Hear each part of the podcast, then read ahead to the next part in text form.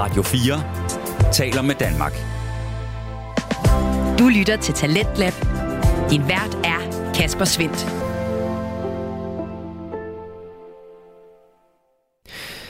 Velkommen tilbage til programmet her på Radio 4, som øh, giver dig danske fritidspodcast. Vi skal øh, i aftenens time 2 vende tilbage til podcasten Autisme med Hjertet, som har verden Stine Bøsted.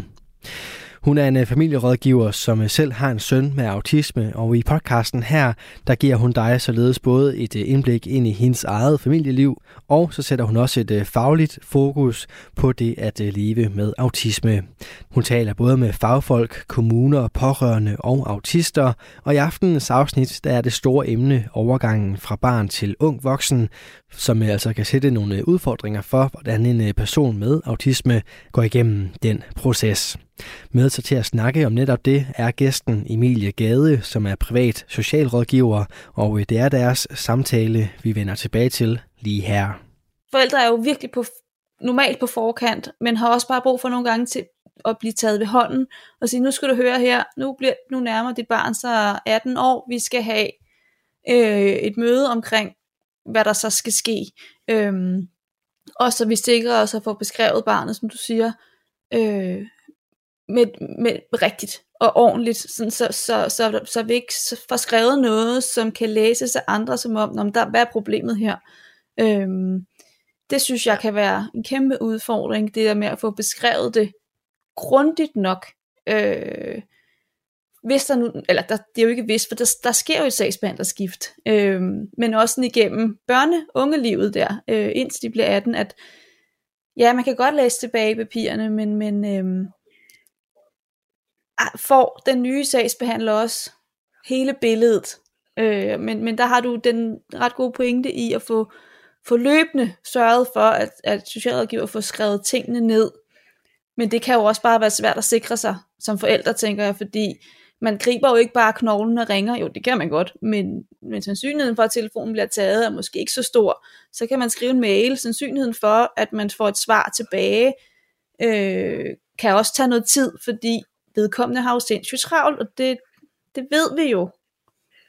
Ja, Altså det som jeg, hvis det var mig, så ville jeg konkret øh, holde dem op på lovgivning i forhold til handleplaner. Der er jo lovgivning i forhold til, at der skal følges op på handleplaner. Og det som jeg også ofte gør i, i alle situationer, så henviser jeg til øh, Socialstyrelsen, som faktisk har rigtig mange beskrivelser af det her med overgangen til voksenlivet. Hvad er vigtigt? Øh, hvordan skal det gøres? Og det her med en helhedsorienteret indsats, øh, det kan man læse rigtig meget om øh, inde på Social Socialstyrelsen, hvor de har forskellige pjæser omkring det her med overgangen til voksenlivet. Øh, og, og det vil jeg simpelthen, altså så vil jeg skrive det ned og sige, at Socialstyrelsen så fremgår det, at det, det kommunen bør gøre, det er dyk, dyk, dyk. Øhm, og, og det er ofte det, der får dem til at handle. Det er i hvert fald det, jeg oplever, at når man ligesom forholder dem, hvad er det forskningen siger, og, og i forhold til handleplanen, jamen handleplanen siger, at forældre og børn skal inddrages, og at når de fylder 16, så skal der tage stilling til, øh, til deres fremtidige liv, og man skal tage stilling til efterværn. Og efterværn, det er jo også en, en paragraf i sig selv, kan man sige. Ikke? Og især det her med, når der er en kontaktperson, hvis man kan se behovet, så synes jeg bare, det er så vigtigt, fordi det er jo som oftest nogen, de har fået lov til at, at danne relation til igennem nogle år, så, så behold for guds skyld endelig dem, øh, så længe som muligt, og så kan de også være med til at, at skabe en overgang til, til den eventuelle kontaktperson, som skal overtage efter efterværnet. Jeg har også haft, øh, jeg har haft en sag engang med en, en dreng, som skulle overgå til voksen, øh, og havde faktisk efterværn, men vi måtte afslutte efterværnet, fordi at det, det har simpelthen ikke nogen effekt. Der skete ingenting, og, og, og den unge blev faktisk dårligere og dårligere. Men der kontaktede jeg voksenafdelingen og sagde, jeg har behov for, at der kommer en kontaktperson på fra jer. Jeg har simpelthen behov for, at I møder op til det her møde, og vi kan snakke om, hvad kan I gøre, hvordan kan I hjælpe. Også i høj grad tage kontakt til skolen, hvis de skal gå der, når de fylder 18 også, og skal gå der længere end det, Tag kontakt til skolen og sige, hvad kan I tilbyde? Kan I tilbyde en eller anden form for støtte? Kan I tilbyde hjælp i forhold til at mere forsøgt uddannelseshjælp, eller kan I hjælpe med at forsøgt whatever, hvad det nu kan være, fordi skolerne er faktisk også rigtig samarbejdsvillige på det område. Det er i hvert fald, hvad jeg har oplevet.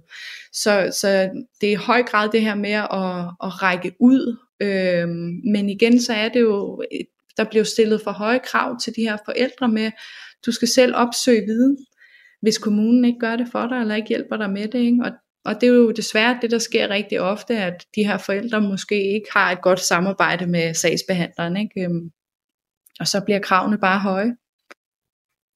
Jo, og så hører jeg også, altså det der, som du siger, at det, man er også sådan lidt øh, prisgivet i forhold til, hvem man har som social, socialrådgiver. Ja. Ikke? Øhm, er det en, som virkelig lægger hjerteblod i det? Altså, alle gør jo sit bedste på sit arbejde. Det, det vil mit ja. udgangspunkt altid være. Der er jo ikke nogen, der går på arbejde og siger, nu vil jeg gøre mit arbejde skide dårligt i dag. Sådan er det jo ikke. Øhm, men, og så kan man jo have så sindssygt travlt, tænker jeg som socialrådgiver, så det kan også være svært at nå at følge op på alt det her.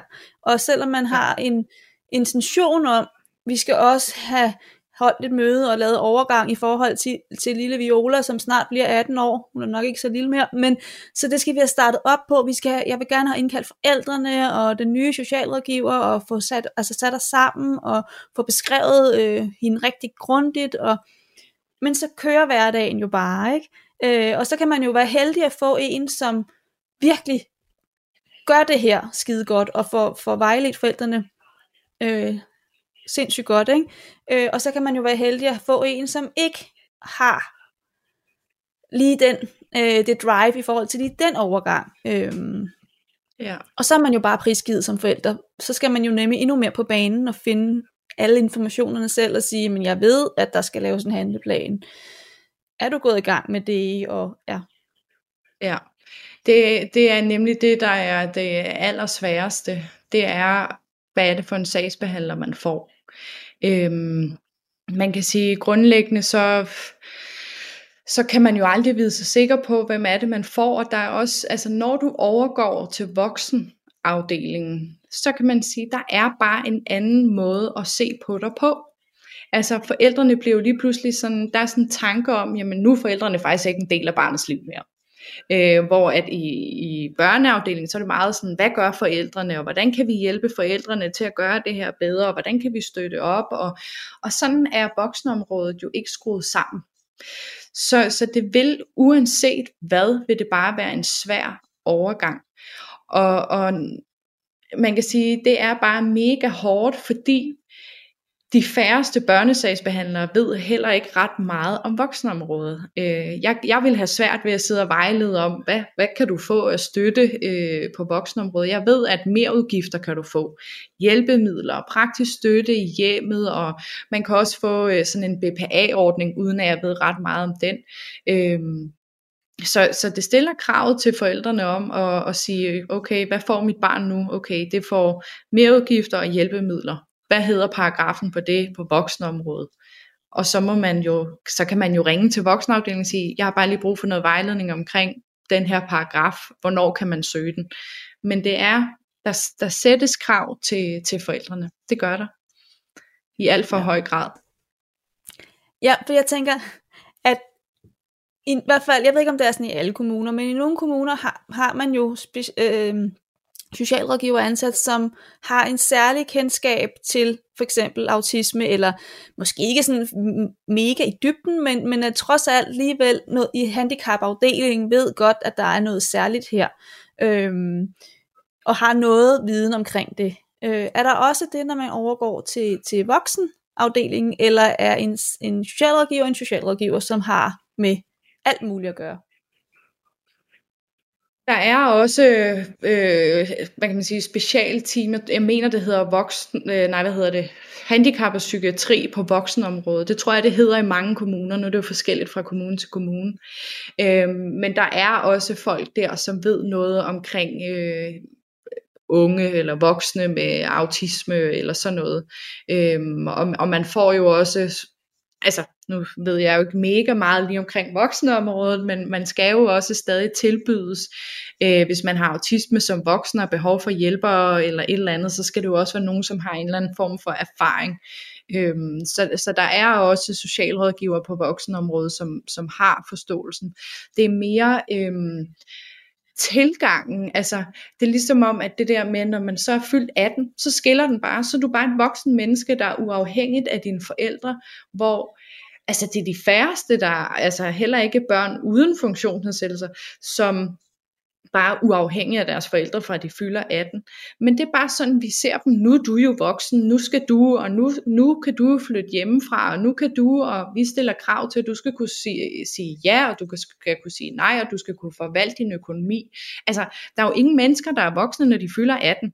Øhm, men, men det er bare sådan det er, og det er jo en, det er både en kultur og noget samfundsskabt, fordi vores lovgivning er skabt sådan, jamen det er der, man er myndig.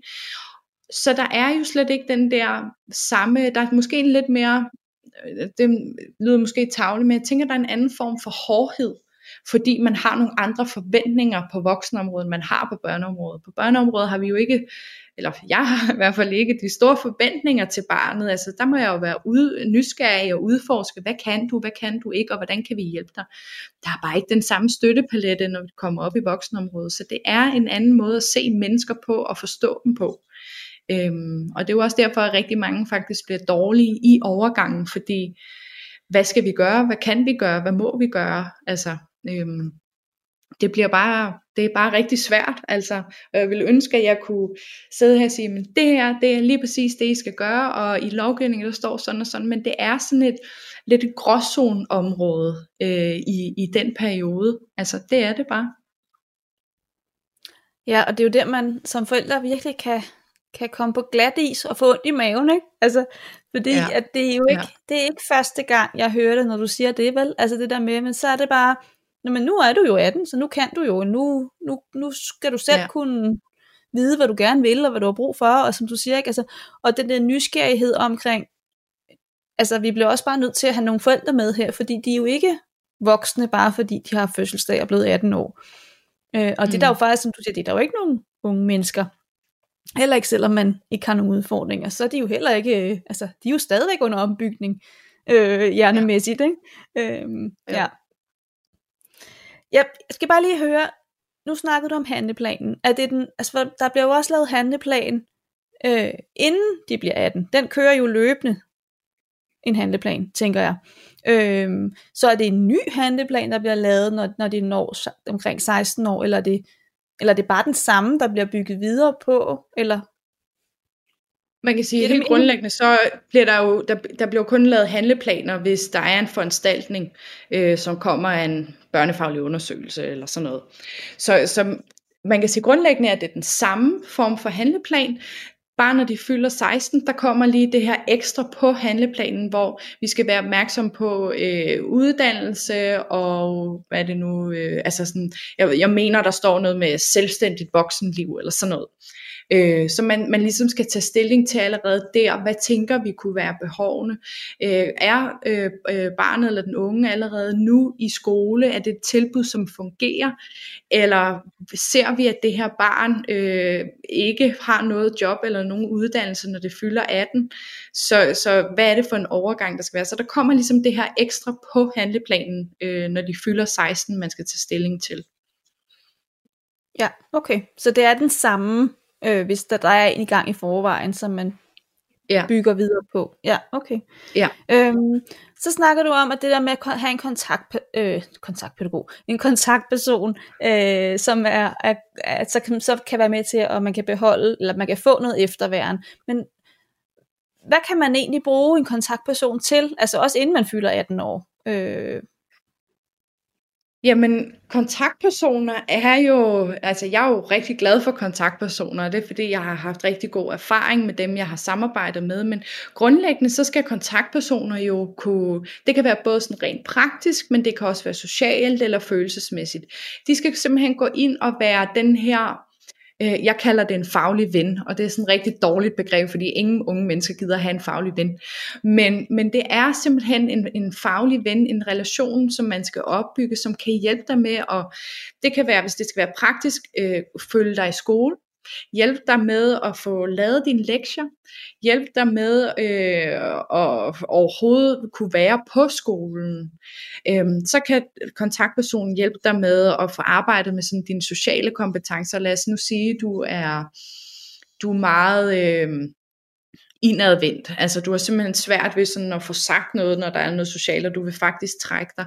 Så skal kontaktpersonen faktisk kunne gå ind og arbejde med det og hjælpe dig med, hvordan kan vi få dig til at være mere udadvendt og sådan nogle ting.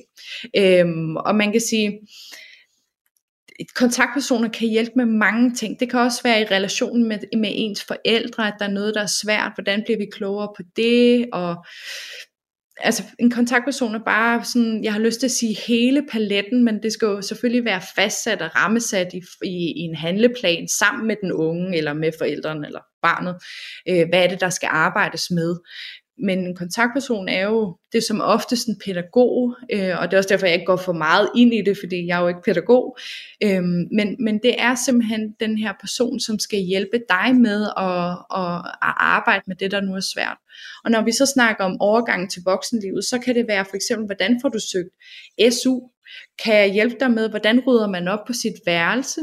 Hvordan, øh, hvad skal du, hvordan kan du lære at tage kontakt til lægen? Det kan være at hjælpe dig op til lægen, og ligesom have et helt forløb, der siger, nu skal vi lære dig at komme op til lægen, eller tage bussen, eller hvad det nu kan være. Så man kan sige, at overgangen til voksenlivet, så er det jo fantastisk at kunne have en fagperson, som kan sige til dig, jamen det er faktisk herover du skal søge om, øh, om uddannelseshjælp, og jeg, jeg tager med dig til mødet. Jeg ringer til den her person, og så tager vi sammen til det her møde. Eller det kan være at få skrevet dig op til noget bolig, eller hvordan får man kigget på sin økonomi. Så generelt set, så synes jeg alle, ikke bare med øh, unge med handicap, men det ville være fantastisk, at alle havde en kontaktperson i overgangen til at fylde 18. Fordi det er jo alle de her ting, som man ikke ved noget om, som man skal til at lære, kan man sige, ikke? Jo, det hører jeg jo også som en kæmpe aflastning til forældrene. At det ikke er dem, ja. der skal lære ens barn, ung. Og ja, og hvordan får man egentlig kontakt til en læge, eller ja, køre i bus, eller forsøgt ja. om uddannelsesstøtte, eller hvad ved jeg. Altså alle de der ting jo, øh, fordi og det er jo ikke fordi, man som forældre bare vil læne sig tilbage og sige, åh fedt mand, så klarer kommunen den, eller kontaktpersonen den. Nej. Øh, men, men, men som forældre har jo rigeligt andre opgaver i hverdagen i forhold til at støtte ens unge menneske. Altså, så det, det tænker ja. jeg, det, det kan da være en kæmpe hjælp til forældrene også. Også det, hvis den unge har modstand mod forældrens måde, øh, mod hjælpen fra en forældre, ens egen forældre, det med, at det kan være en anden, der ligesom tager nogle af de her snakke, eller hjælper med noget af de, nogle af de her ting. Det er jo også ja. i høj grad det, der er relevant, når man snakker om overgangen til voksenlivet. Det er jo den her selvstændiggørelse. Øhm, og, og det er jo nemmere, når der kommer nogen udefra og hjælper med den del, når man, altså som forældre, for man er jo vant til at kompensere for ting og hjælpe børnene og sikre, at der er tryghed. Og, og det, det er jo også derhjemme, at børnene de kan, de kan reagere, når noget bliver svært, og de er jo rigtig gode til at gemme det, når det er andre, der gør det. Så, så det, jeg, jeg synes, det er en rigtig vigtig indsats, som, som rigtig mange kan, kan have brug for. Og når vi snakker kontaktpersoner til, til børn med autisme, så bliver det jo sådan meget konkret, hvad det er, de hjælper med. Øhm, det er jo ofte de her med, hvordan skal jeg forstå mig selv? Hvordan skal jeg øh, forklare andre om noget. Hvordan, skal jeg, hvordan kan jeg arbejde med min angst, for eksempel? Jeg oplever rigtig mange har angst også, når de har autisme. Øh, hvad er det, der trigger mig? Så simpelthen blive helt nysgerrig på, hvem er jeg, men i en tilgang, som de kan forstå. Altså, jeg er ikke super konkret, og jeg har haft mange unge mennesker, der har sagt til mig, Emilie, du stiller for mange spørgsmål. Øh, og, og, så det her med at have en, der bare ved, hvordan hjernen fungerer, når man har autisme, som ved, jeg stiller et spørgsmål sådan her. Det er, bare, det er bare så vigtigt, og jeg har set så mange unge mennesker, der har haft gavn af det. Du lytter til Radio 4. Vi er i gang med aftenens andet podcast afsnit her i Talent Lab. Det er programmet på Radio 4, der giver dig mulighed for at høre nogle af Danmarks bedste fritidspodcast. Mit navn er Kasper Svendt, og øh, i denne time der har jeg fornøjelsen af at give dig et øh, afsnit fra Autisme med Hjertet. Det er en podcast med Stine Bøsted som vært, og i aftenens episode der har hun også besøg af privat socialrådgiver Emilie Gade, og øh, det er til en snak omkring overgangen fra barn til voksen, som vi alle sammen jo skal igennem, men der er altså nogle helt særlige udfordringer og processer, hvis man har autisme er der noget, man som øh, forældre skal være særlig opmærksom på i forhold til økonomi, når man går, når man har et ung menneske, der går øh, fra det 17. til det 18. år? Ja, når, når den unge fylder 18, så får den unge jo mulighed for, at, hvis de går på uddannelse, få SU, men de kan også være øh, berettiget til øh, uddannelseshjælp. Man kan sige, at uddannelseshjælp er jo faktisk kontanthjælp. Det hedder bare uddannelseshjælp. Jeg tror, det er, når man er under 30 eller sådan noget. 18 til 30 eller 29 eller sådan noget. Og man kan sige, når man, hvis man har øh, et handicap, og man får SU, så kan man jo faktisk få et, øh, et handicaptillæg, hvis man ikke kan varetage et studiejob. Øh, det skal man søge om øh, specifikt. Øhm, og så, så man kan sige, rent økonomisk der, der er der jo noget. Så er der også i forhold til mere udgifter. Øhm, det kan man jo søge om på voksenområdet. Der kan jo godt være nogle ting der, øh, at, at den unge fortsat skal have noget medicin, eller hvad det kan være. Øhm, og hvad er der mere?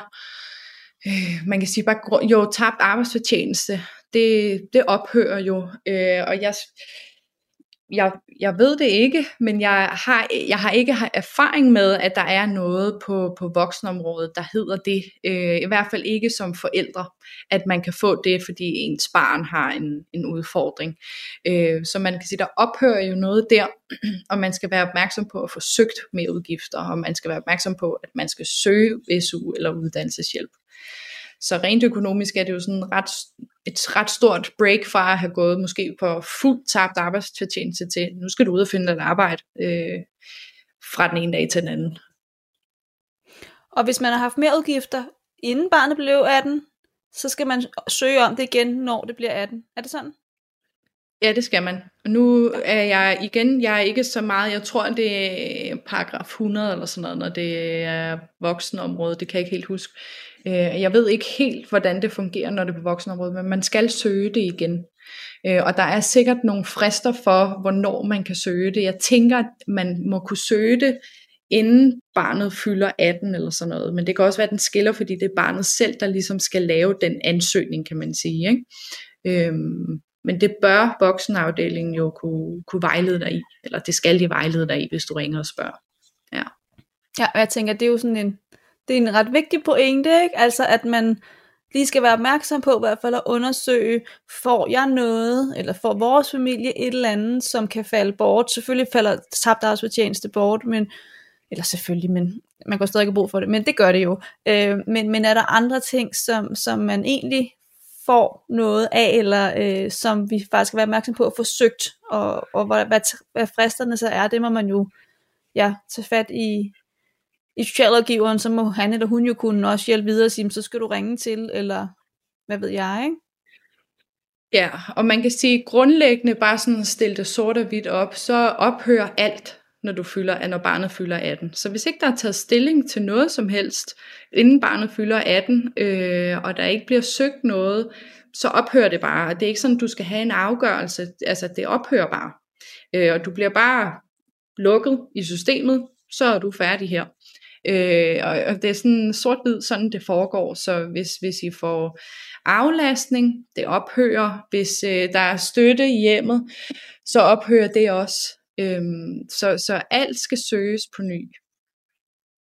Ja, aflastning kan man godt i hvert fald få videre, efter man bliver 18, ved jeg. Kan man også få, øh, hvad var det Dan, du sagde? Støtte? Nej, jeg jo, støtte hjemmet. Kan man også øh, få det, selvom ens barn nu er blevet 18? Det er jo et godt spørgsmål. Der er, der er noget støtte i hjemmet. Jeg tror, øh, jeg tror også, at der måske hedder det nogenlunde det samme, noget praktisk støtte i hjemmet. Og det er jo konkret til den unge, øh, man kan søge det. Og jeg, så vidt jeg husker, så kan man også godt som forældre blive ansat til øh, til den støtte i hjemmet. Men, men der er jo nogle helt andre regler på det område, øh, som man skal sætte sig ind i og forholde sig til. Øh, og det er også derfor, det er vigtigt, at, det, det skal man have forholdt sig til, inden barnet fylder 18.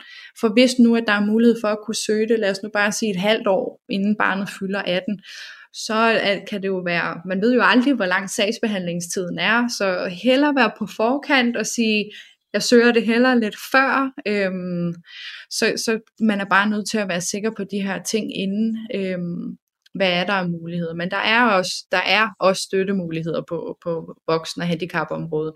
Det er jo bare faciliteret på en anden måde, hvor vi tager jo, på børneområdet tager vi jo udgangspunkt i forældrene i en eller anden grad. Ikke? Det er forældrene, der får støtten. Det er forældrene, der skal hjælpes og aflastes og sådan nogle ting.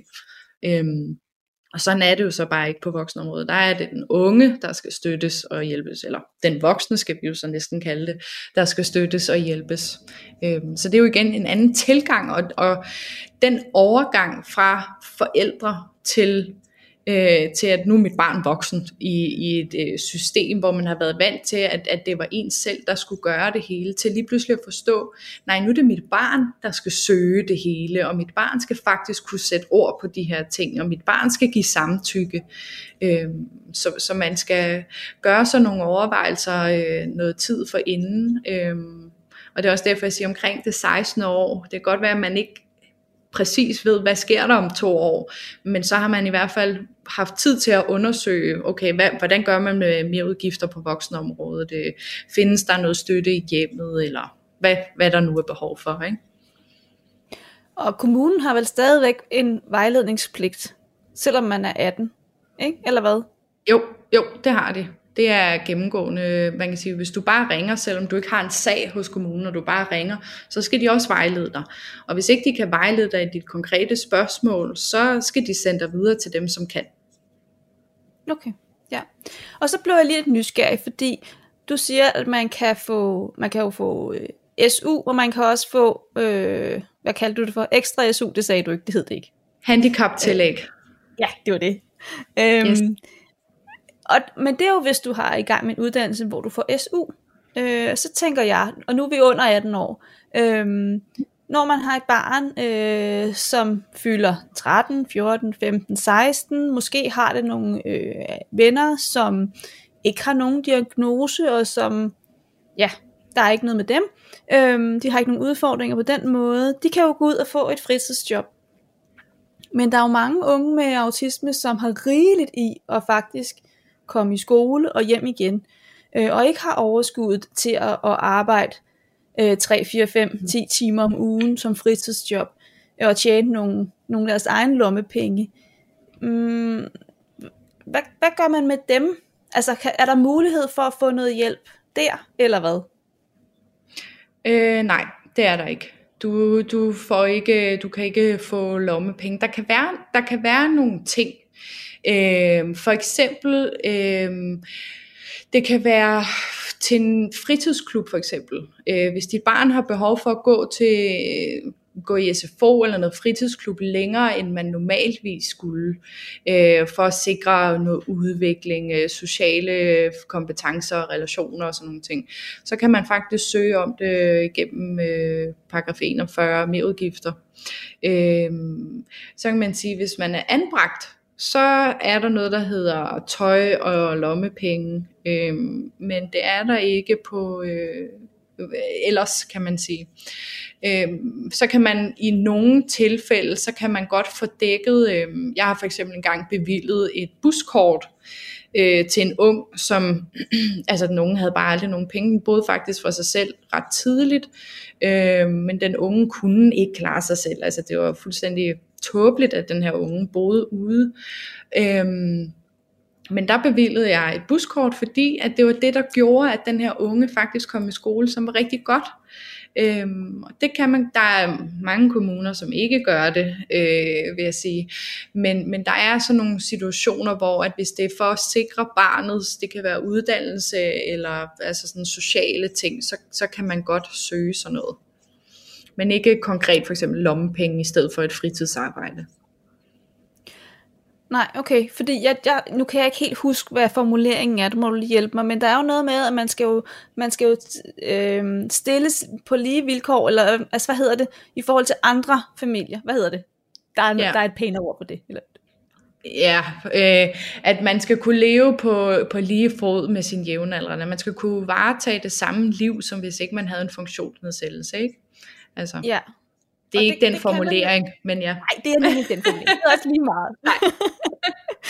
jeg, jeg håber, man forstår, hvad vi mener. Altså, og, og det, det, kan, det kan den unge jo ikke, altså øh, oftest, øh, fordi det, de bruger alt krudtet på at måske være i skole, ikke? Øhm, ja. Så, så der man, har man jo ikke samme vilkår, der bliver man jo ikke stillet lige i forhold til vennen, som godt kan arbejde x antal timer om ugen, at tjene nogle lommepenge til at købe den nye telefon. Og jeg er jo godt klar over, at det er jo forbrugsgoder på en eller anden måde, det går til oftest. Øhm. Mm. Man kan sige, at grundlæggende så er der jo også, og, og det går så en lille smule ud for mit område. Øhm, men jeg har i hvert fald kendskab til det her med, øh, der er faktisk ret, øh, ret mange unge mennesker med autisme, øh, som gerne vil have noget arbejde, eller vil lave et eller andet, der er et eller andet, de interesserer sig rigtig meget for. For eksempel så kan det være øh, en ung pige, der faktisk rigtig godt kunne tænke sig at arbejde i en tøjbutik. Øhm, og der er de her uddannelsesvejledere, har faktisk ofte nogle samarbejder rundt omkring, øh, og kan etablere sådan et helt særligt arbejde, kan man sige, hvor de får lov til at komme lad os bare sige, halvanden time om ugen, og så får de noget løn for det, øh, hvor det er sådan særligt skærmet, øh, og det er på fra klokken 9 til 10, hvor der nærmest ikke er nogen kunder, eller hvad det nu kan være. Øh, så jeg synes, at hvis, hvis man har en ung, som, som godt kan det, eller som gerne vil det, så skal man da prøve at, at række ud til noget UU-vejleder og høre, er der en eller anden mulighed for, at vi kan skabe et lille skærmet tilbud. Øhm, der er også, jeg har også oplevet, at der er nogle unge, som hvis forældre har kendt nogen, der har en butik, eller har en gård, eller hvad det nu kan være, hvor de får lov til at komme. Øhm, så det, det kunne godt være. Der er også nogle, er det FGU, men det, det kan jeg så ikke huske, hvad aldersgruppe det er, men der får man noget for at gå der. Øh, jeg tror, det hedder det sådan noget skolepenge, eller sådan noget, altså ikke en SU. Der er, der er i hvert fald et eller andet. Øh, jeg kan ikke huske, hvad det er. Øh, men, men, men det er det, man kan sige fra, fra myndighedsside, der er der ikke nogen øh, udbetalinger på den måde. Men det er rigtigt, og selvom det står i, i hvad kan man sige, handicapkonventionen og i lovgivningen, kan man sige, så, så må vi også bare erkende, at det jo ikke bliver opfyldt, hverken på det her område, eller på ret mange om, andre områder. Altså hvis du er handicappet, øh, eller har et handicappet barn, så er du bare dårligt stillet, uanset hvad. Det kræver mere af dig, øh, selvom lovgivningen siger noget andet. Men det, det er jo et rigtig godt tip, synes jeg, i forhold til det der med at, at inddrage UU-vejlederen, øhm, altså unge uddannelsesvejlederen i, og mit barn kunne faktisk godt tænke sig at prøve at have et arbejde. Øhm, og nej, han kan ikke gå med aviser hver onsdag eftermiddag, fordi hver anden mm. onsdag eller eller mere, så vil han altså ikke magte opgaven, øh, og de skal jo deles ud, så bliver det mig som forældre, der kommer til det. Øh, men kan vi, ja, som du siger, kan der, kan der være noget andet? Han elsker det her, og kan han få lov til at, ja. Så ja. han også føler, at han har et, et almindeligt ungdomsliv, for det, det er jo det, de godt, synes jeg, de unge kan stå og spejle sig i og tænke, okay, det kan nogle af de andre, øh, men jeg ja. kan ikke. Der er også rigtig mange kontaktpersoner, øh, der har øh, netværk og samarbejde med, med forskellige steder, at så kender de nogen, der lige et eller andet, hvor man kan få skabt et eller andet, fordi det er jo igen også den her selvstændiggørelse og, og, og kunne leve sit eget liv og overgangen til voksenlivet. Øh, og, og jeg ved, at selvom uddannelsesvejlederne nogle gange måske godt kan virke lidt firkantet, så er der nogle muligheder øh, for, for noget praktisk, øh, også hvis man ikke kan gå i sådan, hvad skal vi kalde det, almindelig boglig skole, altså så er der jo også nogle mere praktiske muligheder, som tager særligt hensyn til, til børn med, med særlige behov eller diagnoser. Eller, ja. ja. Og det leder jo simpelthen så fint hen på, at jeg også godt kunne tænke mig at snakke omkring, hvad kan man forvente efter en 9. klasse? Og jeg ved godt, du er jo ikke UU-vejleder, øh, men du har jo alligevel noget erfaring med det. Øh, så det kunne jeg godt tænke mig også lige at runde. Øh,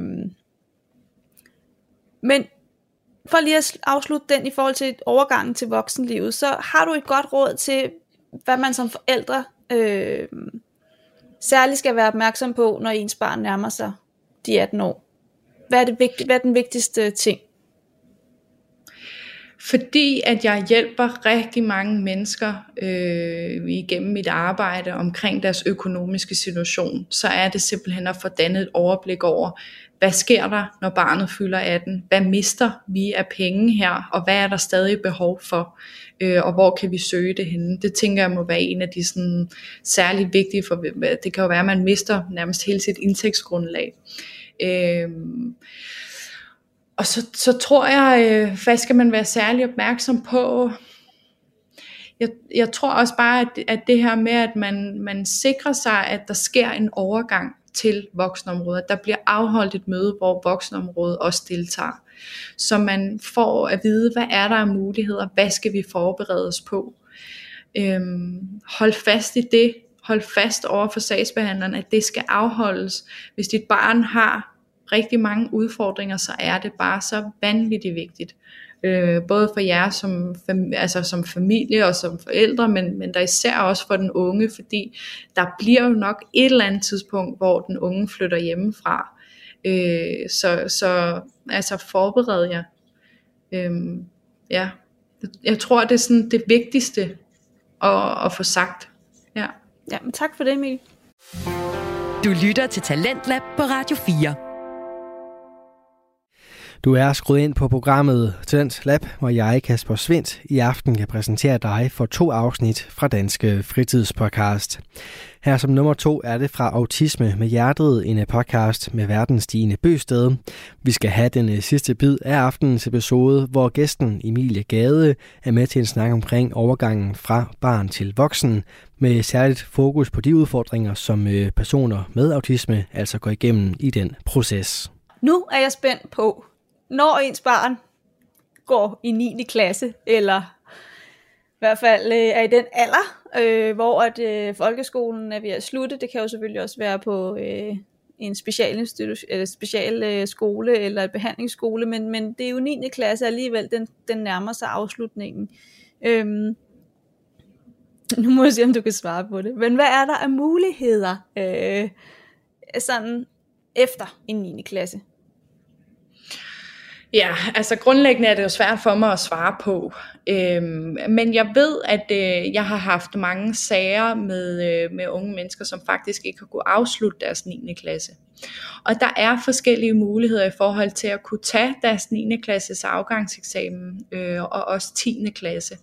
Øh, og at de år ligesom har fokus på, og jeg, jeg ved ikke, hvad selve indsatsen hedder, kan man sige, eller forløbet, men jeg ved, at, at det kan man snakke med sin UU-vejleder om, og at de år, det kan være øh, to år, man går der, for eksempel, og man skal ligesom have taget sin 9. klasse, måske 10. klasse. Øh, men der er fokuset faktisk øh, de her udfordringer, som, som den unge jo har. Øh, det kan være social, det kan være øh, med skolen generelt. Det kan også være det her med, at, at, at barnet jo ikke har kunne kunne rumme det, det boglige, som der har været, så ligesom at hjælpe dem med at finde ud af, hvad vil du egentlig gerne, hvor vil du gerne hen af, øhm, så ligesom sådan en, en afklaringsperiode, øhm, og det ved jeg i hvert fald har været meget brugt tidligere, Øh, så, så det er igen en, en god dialog med, med øh, ud, hvad hedder det, UU-vejlederen om, hvad er der af muligheder der. Øhm, så ved jeg også, at der er også nogle øh, dagbehandlingstilbud, som øh, tilbyder en 10. klasse, og man kan sige, det er jo også en dialog omkring øh, økonomi. Der er jo nogen, der ikke vil, øh, vil bevilge det år mere, øh, men det kan jo give rigtig god mening i mange øh, situationer. Øhm, og så bliver jeg lidt usikker på, der er jo STU-forløb, men som jeg husker det, så er det lidt længere. Nu er det faktisk længe siden, jeg lige har øh, siddet med, med STU, øh, og jeg har nemlig siddet og lavet nogle af de her, øh, hvad skal vi kalde dem, bevillinger øh, har jeg haft siddet og lavet. Øh, men det er jo sådan et meget omfattende område, øh, og, og man skal tage stilling til STU, om, om det er det, der er behov for. Øh, men, men igen, så er det en dialog med, øh, med din uddannelsesvejleder, øh, og bede dem om at ligesom sige, hvad er der af muligheder, og det kan faktisk strikkes sammen på rigtig mange måder. Jeg har ofte siddet til et møde og tænkt, hold da op, det, det anede jeg ikke fandtes, kan man virkelig strikke det sådan sammen? Øhm, så, så det er igen også en afklaring af, hvad er det egentlig den unge måske også er motiveret for. Altså hvad, hvad er det, den unge finder noget glæde i? Hvad er det, den unge har interesser? Hvordan kan vi bygge på det, så der kommer noget udvikling i det? Øh, fordi vi må også erkende, at der er jo nogen, som ikke skal på gymnasiet, eller skal sidde og lave noget bogligt, eller et eller andet. Altså, de, vil, de skal sidde og arbejde med deres hænder, eller hvad det nu kan være. så, så der er altså gode muligheder for at strikke nogle tilbud sammen efter den unges behov. Øhm, og der kan man ofte, så kan man bare gå ind på kommunens hjemmes, eller man kan bare google øh, UU-vejleder øh, Frederiksberg kommune eller sådan noget. Så er det tit, der kommer nogle numre op eller et eller andet. Så kan man prøve at ringe til dem og bare sige, hvad er der egentlig af muligheder, hvad kan vi forberede os på? Ja, men jeg, jeg ved ikke så meget om det konkret med skoletilbudene, det gør jeg ikke.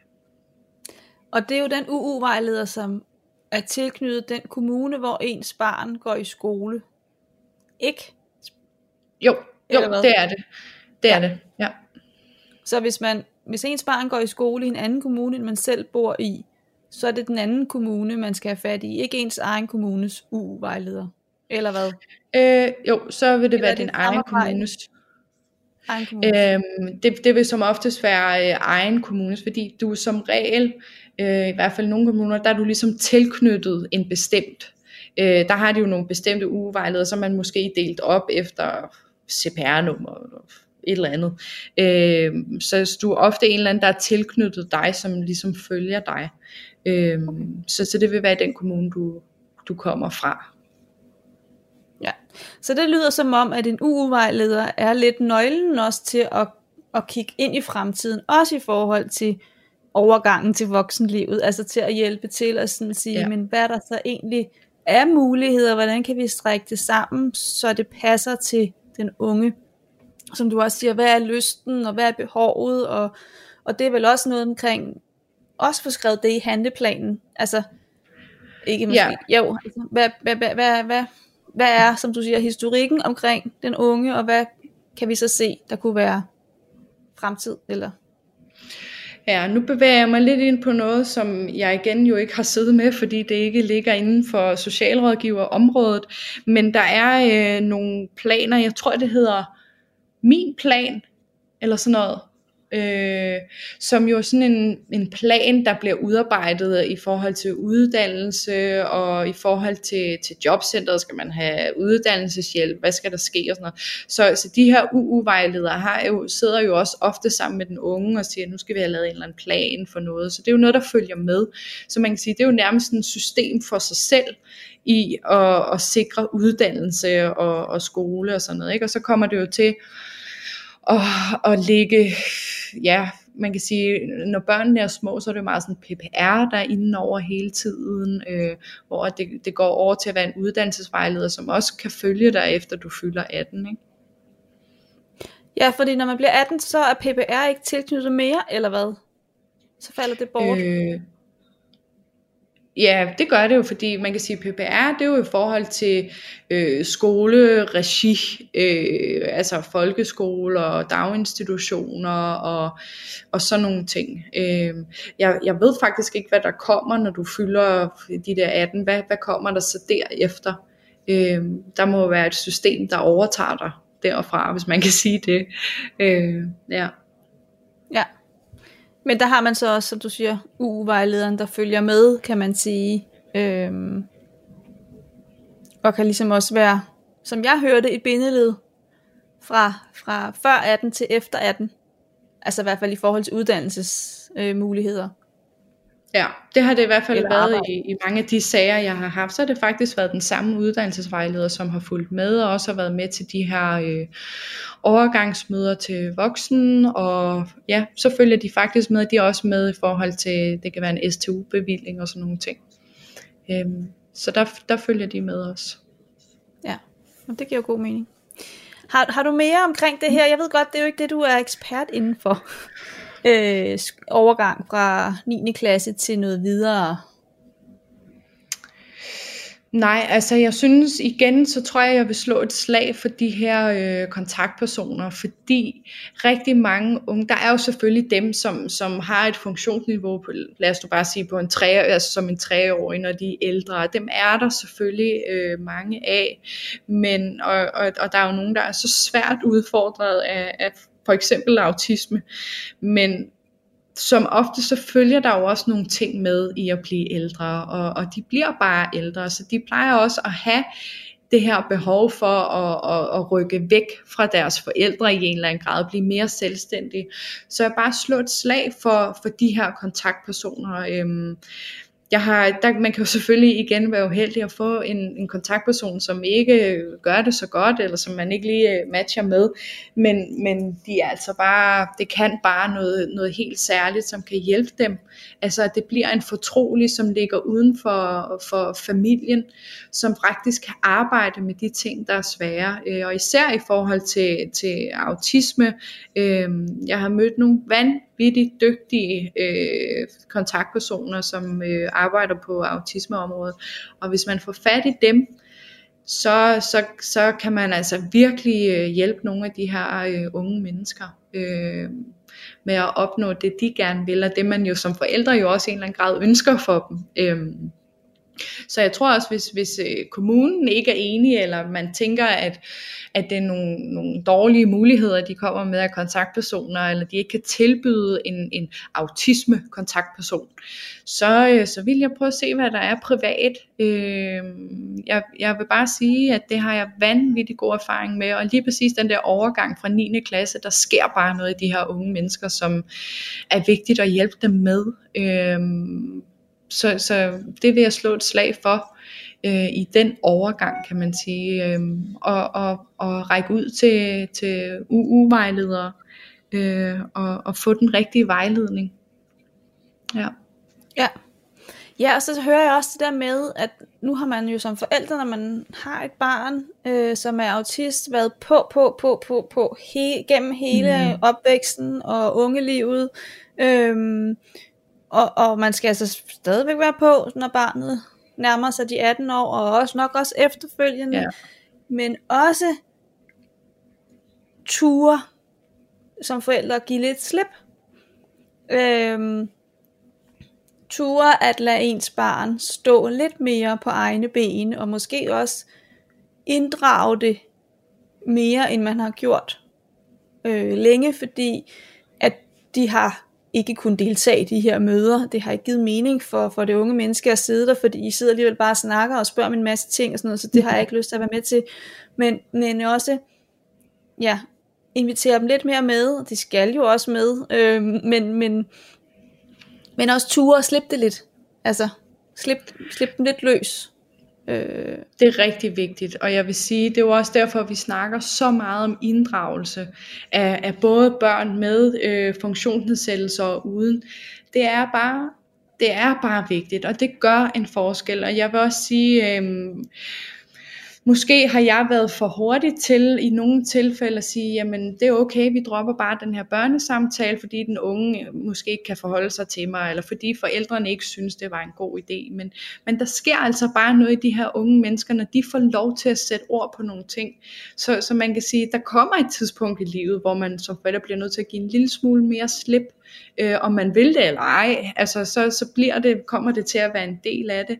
Så, så det er jo en god måde at gøre det på, og, og måske give, give noget af ansvaret fra sig og sige, men det, det kan den her kontaktperson. Øhm, så, så det bliver jo også en, en aflastning for de her forældre i, på nogle områder, kan man sige. Ikke? Men, men jeg kan også godt forstå den frygt, fordi man kender jo sit barn, og man ved, hvordan de reagerer, og man, man vil jo sit barn det bedste, så jeg kan godt forstå den frygt, når man har et barn med, med, med udfordringer. Altså, men det er bare vigtigt også for, at man som forældre, som menneske, man er jo stadig menneske, som man er forældre, også bare lige får lov til at trække vejret. Og, og det gør man jo, når man kan give et eller andet fra sig. Øhm, så det er rigtig vigtigt. Det er det altså.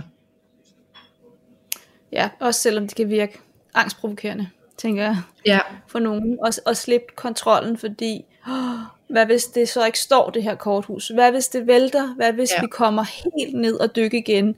Øh, og det er der jo ingen, der siger, vi gør.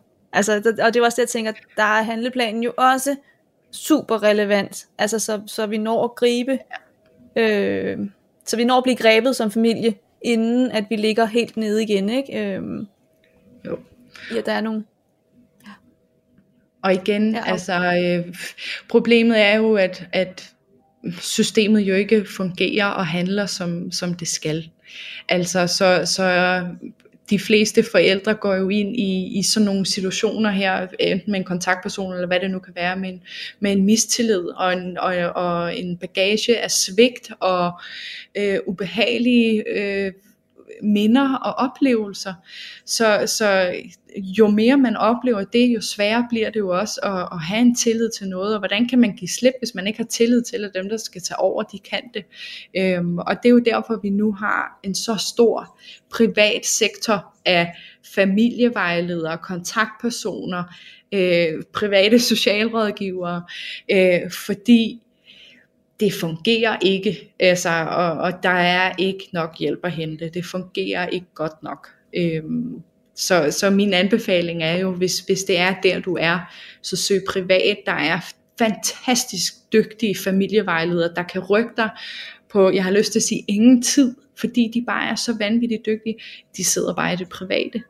Øhm, så, så hvis du har råd til det, så gør det. Jeg kan kun anbefale det. Du kan også, der er fantastisk dygtige familiebehandlere og kontaktpersoner i systemet også, men der er også rigtig mange, der ikke er dygtige. Øhm, og, og når man tager et valg om at privat og blive privat, så er det også fordi, man føler, man har noget værdi at give. Øh, og vi ser bare vanvittigt dygtige private behandlere og you name it. Øh, så, så gå den vej, hvis, hvis du bare sidder så meget fast. Øh, ja.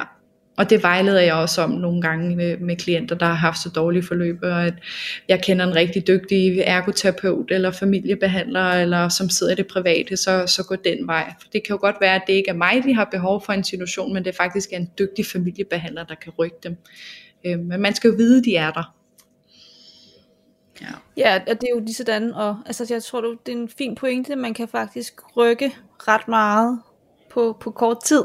Altså, øh, fordi mange private, de har jo en enorm viden øh, med sig, øh, og ved, hvor der, der skal skrues hen, ligesom hvis man kontakter en privat socialrådgiver. Ikke? Altså, at, at det behøver jo ikke, tænker jeg, være et langt forløb, så skal vi mødes nu fra nu af, og de næste tre år, men, men få rettet ind og sige, så det er denne her vej, I skal gå. Øh, det er det her, vi skal være opmærksom på, og det er det her, der skal ja, handles. Øh, her skal ja. der handles, ikke? Øh, Ja. Mm. Det er præcis. Men øhm, jeg synes, vi er kommet mega godt omkring denne her overgang til, til voksenlivet, øh, og jeg håber, at øh, man som forældre kan være i hvert fald klæde lidt mere på i forhold til, hvad skal man som forældre være bevidst om og være opmærksom på, når, når ens barn nærmer sig 18 år.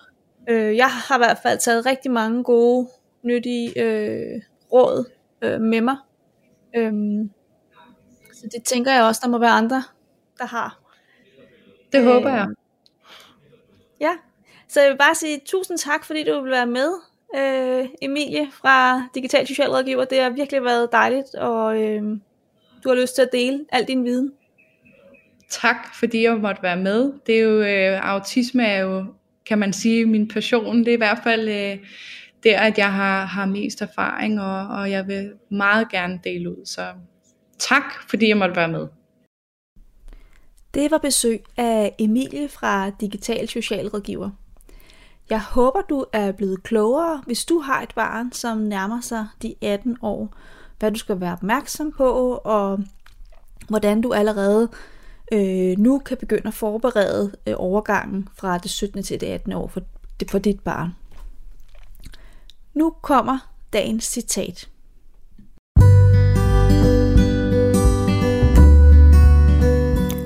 Man skal være stærk for at være svag.